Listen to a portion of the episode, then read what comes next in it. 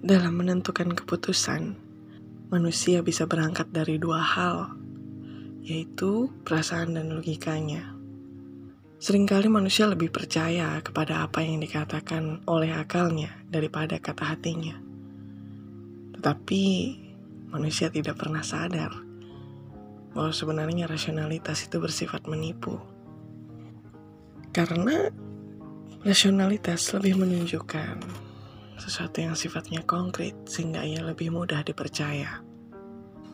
Tetapi apakah pernah kita sadari bahwa rasionalitas berpura-pura kuat?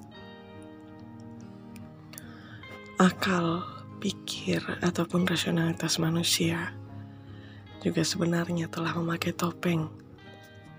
Rasionalitas berusaha mati-matian untuk menunjukkan pada dirinya bahwa ialah yang lebih masuk akal daripada semuanya, bahkan daripada perasaan manusia.